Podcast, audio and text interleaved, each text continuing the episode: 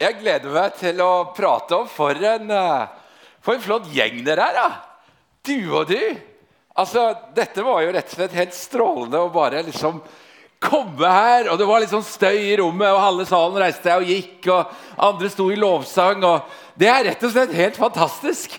Det er jo et herlig kaos, og det liker jeg.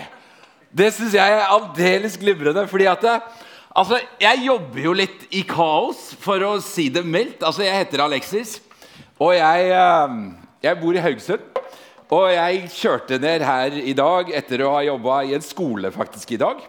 Og eh, syns jo det er nydelig å få lov til å få lov å komme inn til dere og få lov til å dele Guds ord sammen med dere. Og jeg skulle si litt om meg selv. Altså, jeg er jeg er 50 år, og da er jeg voksen. Det er liksom, når det skjedde, så tenkte jeg oi, nå er du voksen, Alexis. Nå er det ingen vei tilbake. Og så hadde jeg en sånn rar opplevelse i dag, for jeg har fire barn. Og de begynner å bli voksne.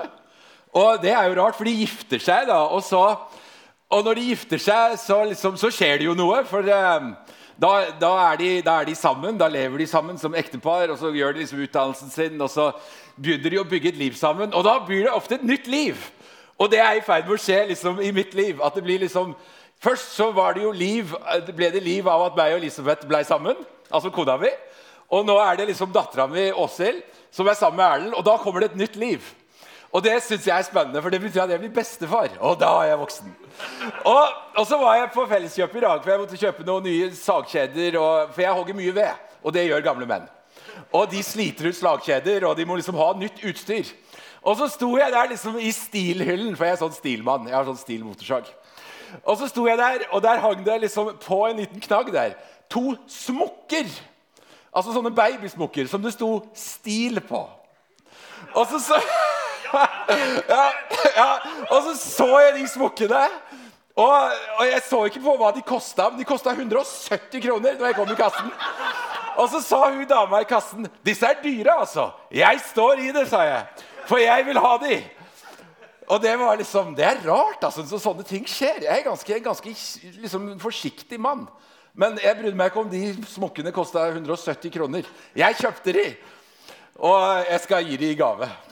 Men, uh, For jeg tenker dette må jo bli et lite stilbarn. Men uh, altså, nå veit du lite grann om meg. Og jeg jobber jo i, uh, i, en plass som heter Tro og medier.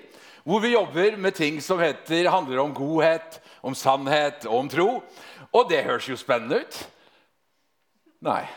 Men det er ganske spennende. fordi at eh, jeg tenker, Hva er det som er bra for oss? Hva er det som er bra for oss? Hvor mange av dere som er liksom gamere her i dette rommet? Reiste de seg gikk, hele gjengen? Eller? Nei, det er noen. Ok, det er noen. Jeg tenker, altså Det som skjer på dette huset denne helga her, det syns jeg er nydelig. For det er mestring. Det er rett og slett mestring. Det er å levele opp, det er å vinne, ta livet av alle de andre eller kjøre, kjøre forbi alle de andre, eller hva dere nå gjør. Jeg veit ikke hva dere gamer. Være sistemann igjen på øya, eller jeg veit ikke hva dere spiller. Men det er altså, vi er laga for mestring, og det er godt for oss mennesker. Fellesskap. Altså det fellesskapet som skjer her på dette huset. Det tenker jeg, og jeg, Det er jo ikke sånn at det er bare her inne det er fellesskap, fellesskap, nå. For hele den gjengen som reiste seg og gikk ut, de har fellesskap. Og det er i regi av dette huset. Og det syns jeg er ganske stilig. fordi at det, Om de er her inne og hører på budskapet eller er med i lovsaken, eller hva som skjer, så, liksom, så blir de påvirka av hva som skjer her. Og Vi kunne liksom snakket kjempelenge om hva som er bra for oss. Men hva er det som er sant, da? Hva er det som faktisk er sant? Og det er jo sånn at Mange tenker at vi kristne For jeg er jo kristen, og vi er jo liksom på et kristent møte.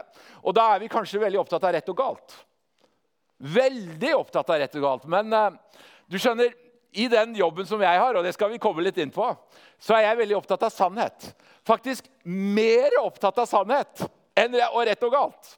For hvis du snakker sant, så er det ganske mye som gir seg selv hva som er rett og hva som er galt. Og Hvis vi liksom ser på Jesus og hvordan han møtte mennesker, ja, så var han lidenskapelig opptatt av sannhet. Fordi han snakket sant. Fordi han var sann, og han formidlet sannhet i alle sine menneskemøter. Og så er det jo liksom dette med troen, da, som, som fletter seg inn i alt dette som er sant. F.eks. at det er godt å oppleve mestring og fellesskap og kjærlighet og tilhørighet. Altså, Det er sant, og vi er laga for det. Og Det er derfor vi liksom stimler sammen. Det er derfor dette med kirke er fellesskap. Fordi at vi sammen skal kunne speile og reflektere noe aldeles nydelig og vakkert. Og at vi sammen skal kunne løfte opp lovsang og lovprise hans navn. Og Den siste sangen som vi eh, sang her, jeg fulgte litt med på teksten, for den snakket egentlig den snakket rett inn i mitt liv. Altså at Jesus og Gud rydder vei der det er vanskelig. For du skjønner, Jeg jobber jo i et ganske, sånn, ganske vanskelig landskap. Altså, Jeg jobber og møter mennesker som um, Bare liksom den siste uka bare den siste uka skulle jeg ramse opp, ramse opp en masse vanskelige menneskemøter. Men jeg liksom jobber med ting som handler om avhengighet, som handler om seksualitet på avveie, konflikt med egen kropp, utroskap, overgrep Altså det som kanskje liksom betegnes som dødsskyggens dal. Men hvis han er for oss, hvem er da imot oss? Som vi, som vi nettopp sang. Og det er jo noe av liksom den kraften som vi kan gå inn i denne liksom lille talen her. Om kanskje litt sånn kinkige, vanskelige ting. Hvor vi kan løfte fram en bedre historie enn i stor grad liksom den historien som preger veldig mye av vår samtid.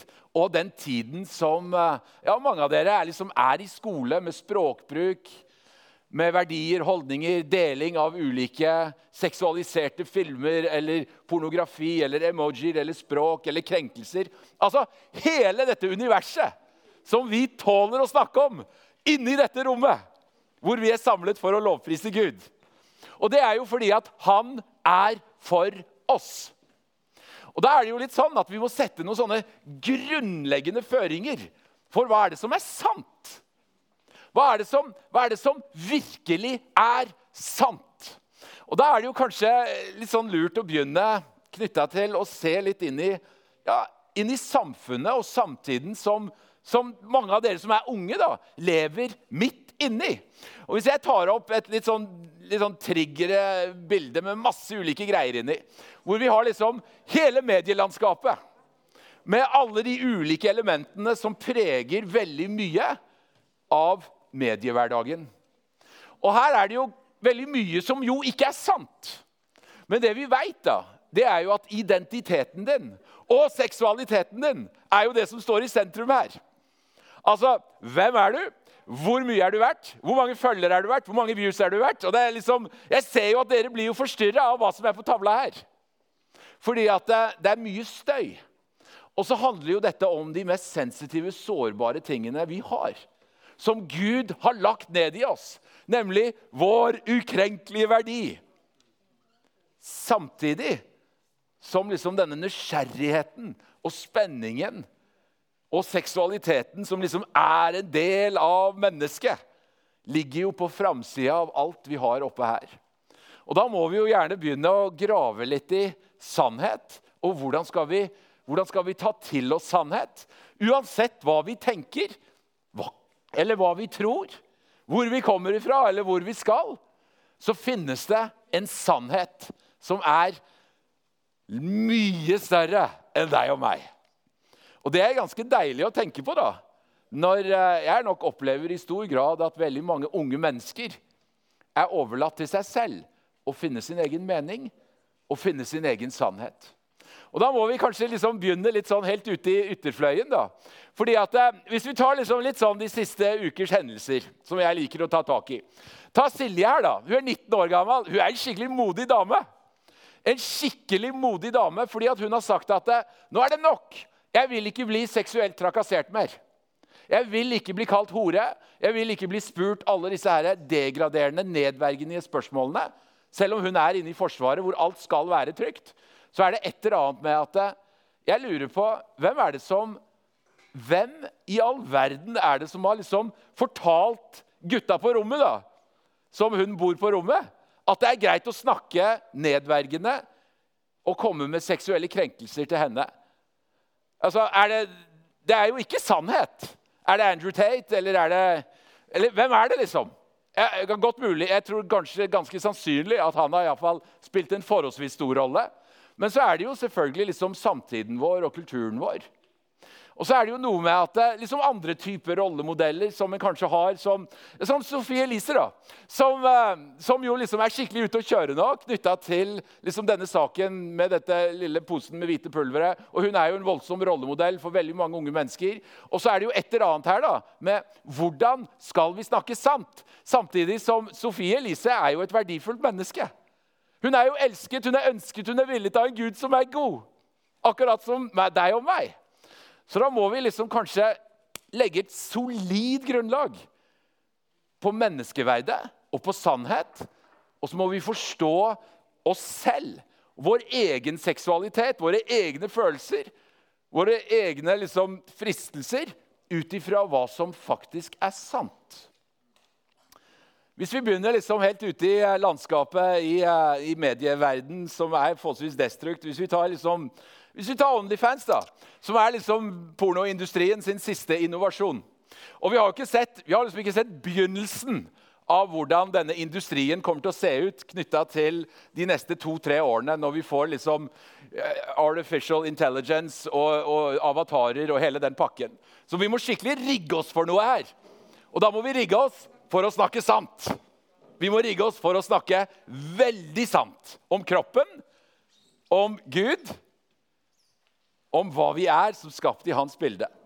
Men eh, vi kan gjerne ta et lite eksempel. da. Hvis vi tar liksom dette eksempelet her, som jeg liker å bruke på et ungdomsmøte. Dette er Helene, og det er meg. Og her skal vi prate sammen. Og meg og Helene vi er liksom Vi er totalt ulike. Altså, Helene hun er jo en innholdsproduser på Onlyfans. Så det betyr at hun selger kroppen sin mot betaling. Helene er skeiv. Og Helene gjør hva som helst for penger når det kommer til seksualitet. Så Helene hun lever liksom, hun lever helt på andre sida av hva jeg tenker er sunt, sant, godt og rett for mennesket. Hun lever i grunnleggende konflikt med hele den kristne troen og hva den kristne troen sier om kroppen, om identiteten, om menneskeverdet og om seksualiteten. Så når meg og Helene skal snakke sammen, da, så tenker jo Helene at hun skal bli fordømt nord og ned av meg. For jeg kan jo sikkert virke litt skummel, for jeg er veldig opptatt av rett og galt. Men jeg er mye mer opptatt av sannhet. Så hvis jeg skal snakke med Helene da, og legge liksom et grunnlag for å si noe om hvem Gud er, så må jeg snakke sant. Og hvis jeg skal snakke sant, så må jeg vite hvem jeg er. Og jeg er skapt i Guds bilde akkurat som deg. Og Det betyr at du og jeg vi er en refleksjon av vår skaper. Og Det betyr igjen da at vi bærer noen elementer inni oss som gjør at når vi kommer inn i en eller annen skygge, når vi kommer inn i en eller annen vanskelig situasjon, når vi kommer inn i en eller annen fristelse, når vi er alene, når vi er lei oss, når vi søker trøst, eller hva det nå er, så har du og jeg mulighet til å speile og reflektere vår skaper. Altså skaperen av universet. Det er ganske heftig at det er noe som bor inni den som tror. Og den som ikke tror, er allikevel skapt i hans bilde. Og Det betyr jo at mennesket er skapt i hans bilde som mann og kvinne. Det er sant.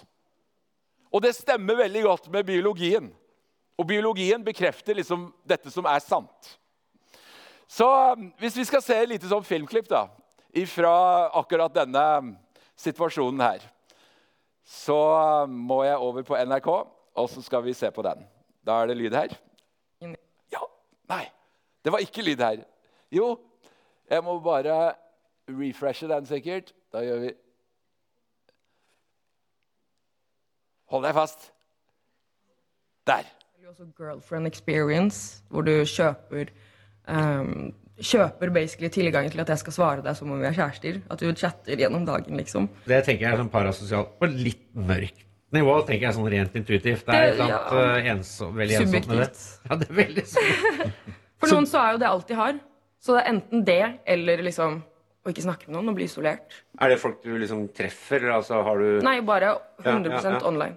Altså, Jeg tror jo at vi som mennesker søker etter å bli elsket. Eh, etter å bli respektert. eh, etter å bli bekrefta og sett og alle disse tingene som er liksom grunnleggende for oss.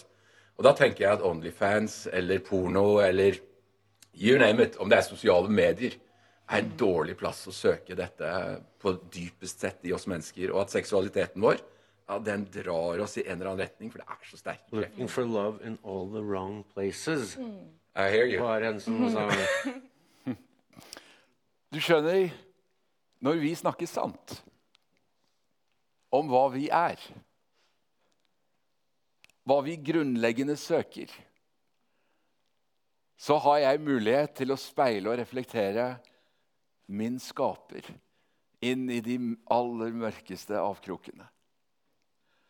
Og du skjønner, De tenkte, og Thomas Seltzer og NRK tenkte at vi skulle krangle. At vi skulle være skikkelig uenige. Men så tok jeg et valg, da. Fordi jeg er kristen. Hvor jeg tenkte at hei, jeg skal fortelle Helene hvem hun er. Jeg skal fortelle henne hvor hun kommer fra.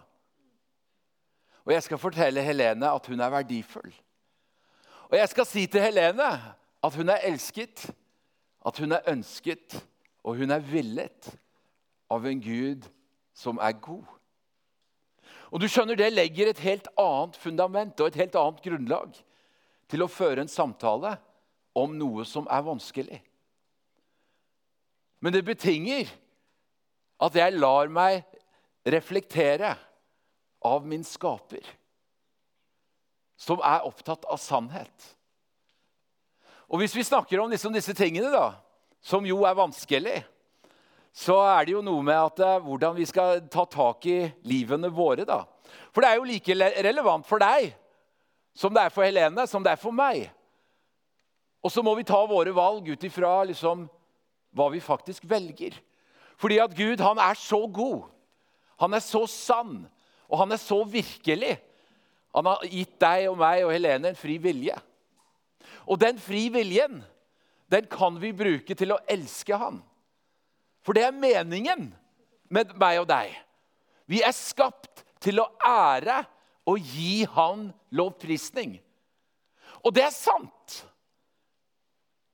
Og Da må vi gjerne ta tak i disse spørsmålene på et sånt grunnleggende sett i livene våre. Og det kan vi egentlig gjøre med å begynne å snakke om kroppen. da. For du skjønner, kroppen vår den er utrolig spennende. Den er vanvittig fascinerende. Og den skaper så mye nysgjerrighet og spenning. Og den er ment å skape glede. Alt det jeg sa nå, er sant. Men hvis jeg liksom snakker med ungdommer da, om kropp og identitet og seksualitet, så er det jo ikke det jeg hører. Jeg hører skam. Jeg hører avhengighet. Jeg hører mindreverd. Jeg hører nederlag. Jeg hører begjær og fristelse. Det er, liksom, det er det ekkoet jeg hører. Og det er det jeg hører inn i liksom den tida vi lever i. Og hvis jeg kikker inn i TikTok eller hvis jeg kikker inn i Snapchat eller YouTube, eller hvor det er, så er det jo det jeg òg ser. Hvis jeg kikker inn i Lik meg-serien eller hvis jeg kikker inn i andre serier som handler om ungdomskultur, så blir jeg opprikt, oppriktig lei meg og trist. For alt jeg ser, er jo ikke sant. Fordi at Gud har en annen mening med at du er du og jeg er jeg. Og du ser ut sånn som du gjør, og jeg ser ut sånn som jeg gjør. Fordi at noen av dere er kvinne, og noen av dere er mann. Og du skjønner det at det, det å vite at ved å være oss, så bærer vi med oss en kilde for mening og sannhet. Og da må vi liksom tørre å ta tak i disse tingene. Og begynne å grave litt på dypet av hva er det kroppen vår sier. Hva er det kroppen vår forteller? Og hvilken historie er det vi skal prøve å lytte inn, som Gud har skrevet ned i hver eneste DNA i hva vi er? Og hør her. Det er en nydelig historie. Fordi at vi er ment for fellesskap. Vi er ment for trofasthet. Vi er ment for kjærlighet. Vi er ment for sårbarhet og åpenhet. Vi er ment for nærhet. Vi er ment for at alt i oss skal bære mening. Og Da må vi jo begynne å snakke om, om kroppen. Vi må begynne å snakke om grenser rundt kroppen. Vi må begynne å snakke om seksualiteten vår som om at det er noe Gud virkelig vil og ønsker. For han har jo skapt dette. Og da har jo han en mening med hva vi er. Så hvis jeg begynner liksom å nøste i dette, da og vi kan, liksom, vi kan, begynne litt med gutter og vi kan begynne litt med jenter, og vi kan si bitte lite litt om disse tingene. For Hvis jeg stiller et spørsmål gjerne inn i et, uh, en konfirmantgruppe, som jeg av og til gjør, hvor vi får en samtale, så sier jeg gjerne Hva er det som gjør gutter til menn? Når skjer det? Hvordan skjer det? Skjer det alltid, eller er det noen som forblir gutter hele livet og aldri vokser liksom inn i det som er ment å være mann? Og er det samme spørsmål knytta til jenter? Men jeg tenker jo på mange måter, hvis vi skal liksom begynne å svare bitte lite grann, hva er det som gjør gutter til menn, så tenker jeg jo på alle måter at menn er ment å gi, ikke ta. Og menn er ment å gi og gi og gi. Fordi at kroppen vår forteller den historien. For vi er ca. 30% sterkere omtrentlig. Vi løper omtrent 20% raskere. Vi hopper 9% høyere. Altså Hele biologien vår er ment at vi skal gi trygghet, beskyttelse. Og det mest ultimate en mann kan gi, ja, det er jo et frø. Og da er vi liksom inne i forplantningen. Og det frøet det er bitte, bitte lite. Fordi at når Gud skapte kvinnen, så hadde han en storslått plan med hvem hun var, hva hun er, hvorfor hun er. For du skjønner, kvinnen ja, hun syns jo jeg er ganske spennende. Og jeg lever jo med en kvinne. Og, mange, og det har jeg gjort i 32 år. Og på mange måter så er hun enda et mysterium for meg.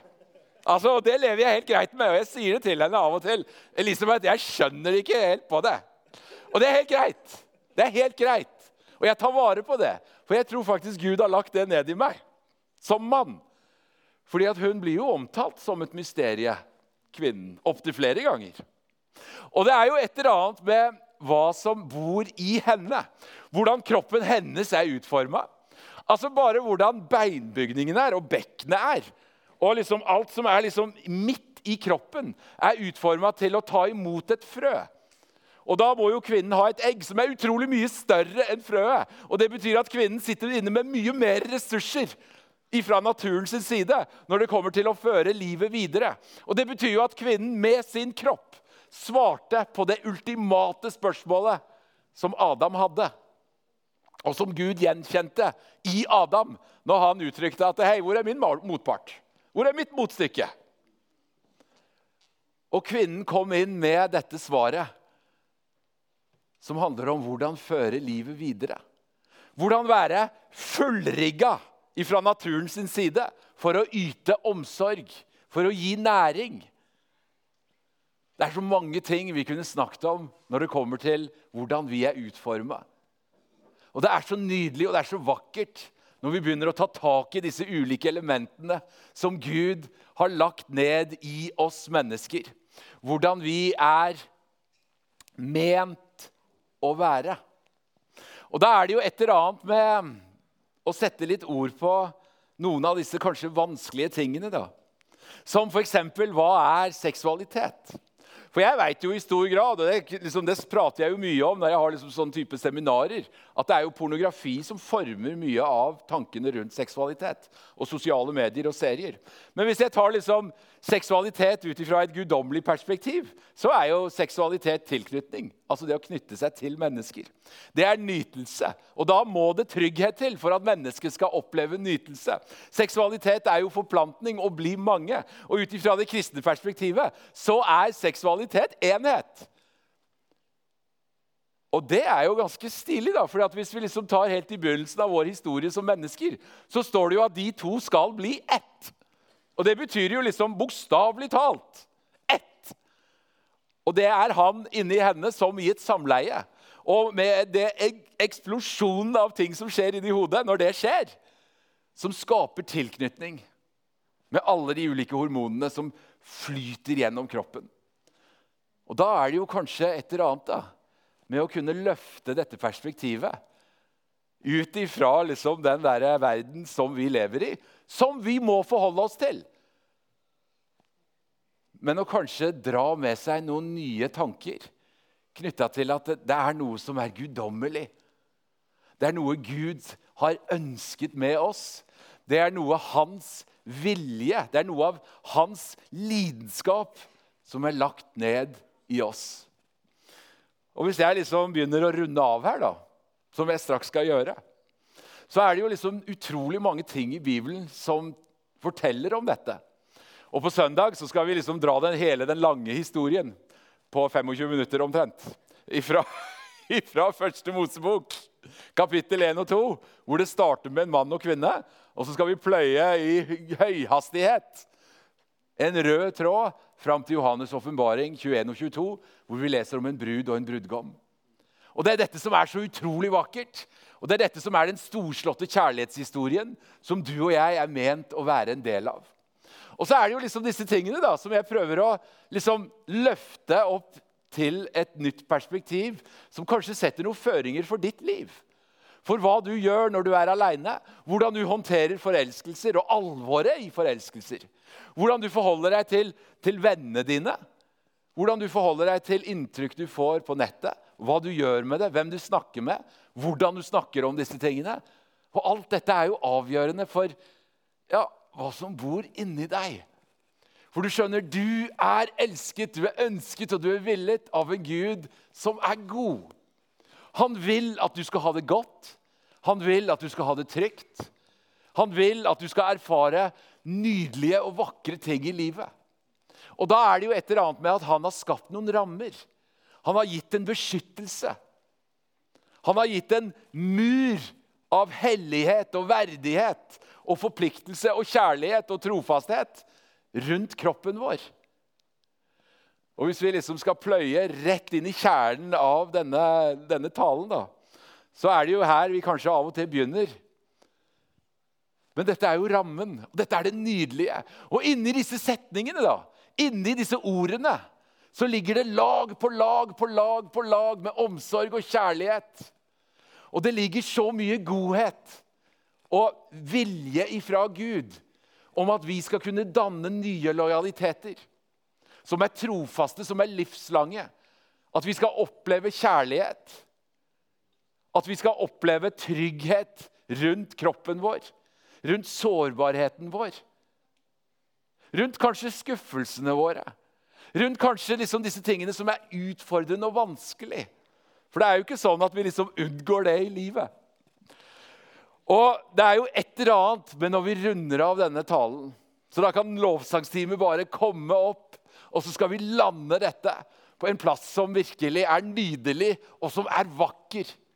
Fordi at eh, når Gud har satt noen rammer rundt oss, rundt deg og meg, rundt livet vårt, i de ulike fasene av livet, i de ulike livsfasene som vi er i så fikk jeg akkurat en melding denne uka av en ung dame som hadde opplevd å bli bedratt. Om jeg hadde noen råd i forhold til det. Og så hadde jeg jo masse råd i forhold til det. Og kanskje et av rådene mine Dette var en dame på alder med dere. Og dette var jo liksom en skikkelig vanskelig og en vond situasjon. Og klart, Et av rådene mine var hvorfor egentlig har du en kjæreste? Har du tenkt grundig gjennom det? Er dette noe du ser for deg langsiktig? Et annet råd jeg ga, er jo at eh, hvis dette skjer, så er det jo et tydelig tegn på at her er det jo ikke modent. Her er det jo ikke klart for å kunne forplikte seg. Et annet råd jeg ga, det var jo definitivt Definitivt å sette seg inn i denne omsorgen og kjærligheten som Gud har ment. Et annet eh, plass vi kan liksom reise inn i dette når vi skal liksom avslutte her, det er jo et nydelig vers i Salmos høysang, hvor det står han har ført meg til vinhuset, og hans banner over meg er kjærlighet. Og du vet, Jeg er ikke noen vindrikker, jeg er faktisk en avholdsmann. Nå er ikke dette noe rusprat, men jeg har lest meg litt opp om vin. Og um, det tar lang tid, for du må ha et frø. Du må ha jord, du må ha sol, du må ha vann. Det må gros, du skal høste, du skal presse, du skal tappe, og så skal det lagres. Det er en lang prosess. Og det er jo et eller annet med at han ønsker disse prosessene i livet vårt. Så når vi reiser oss opp nå, som vi gjerne kan gjøre, og vi skal gå inn i lovsang, så vil jeg at du skal være med og tenke inni deg at det er han som fører deg. Det er han som elsker deg. Det er han som har skapt deg. Det er han som har villet deg.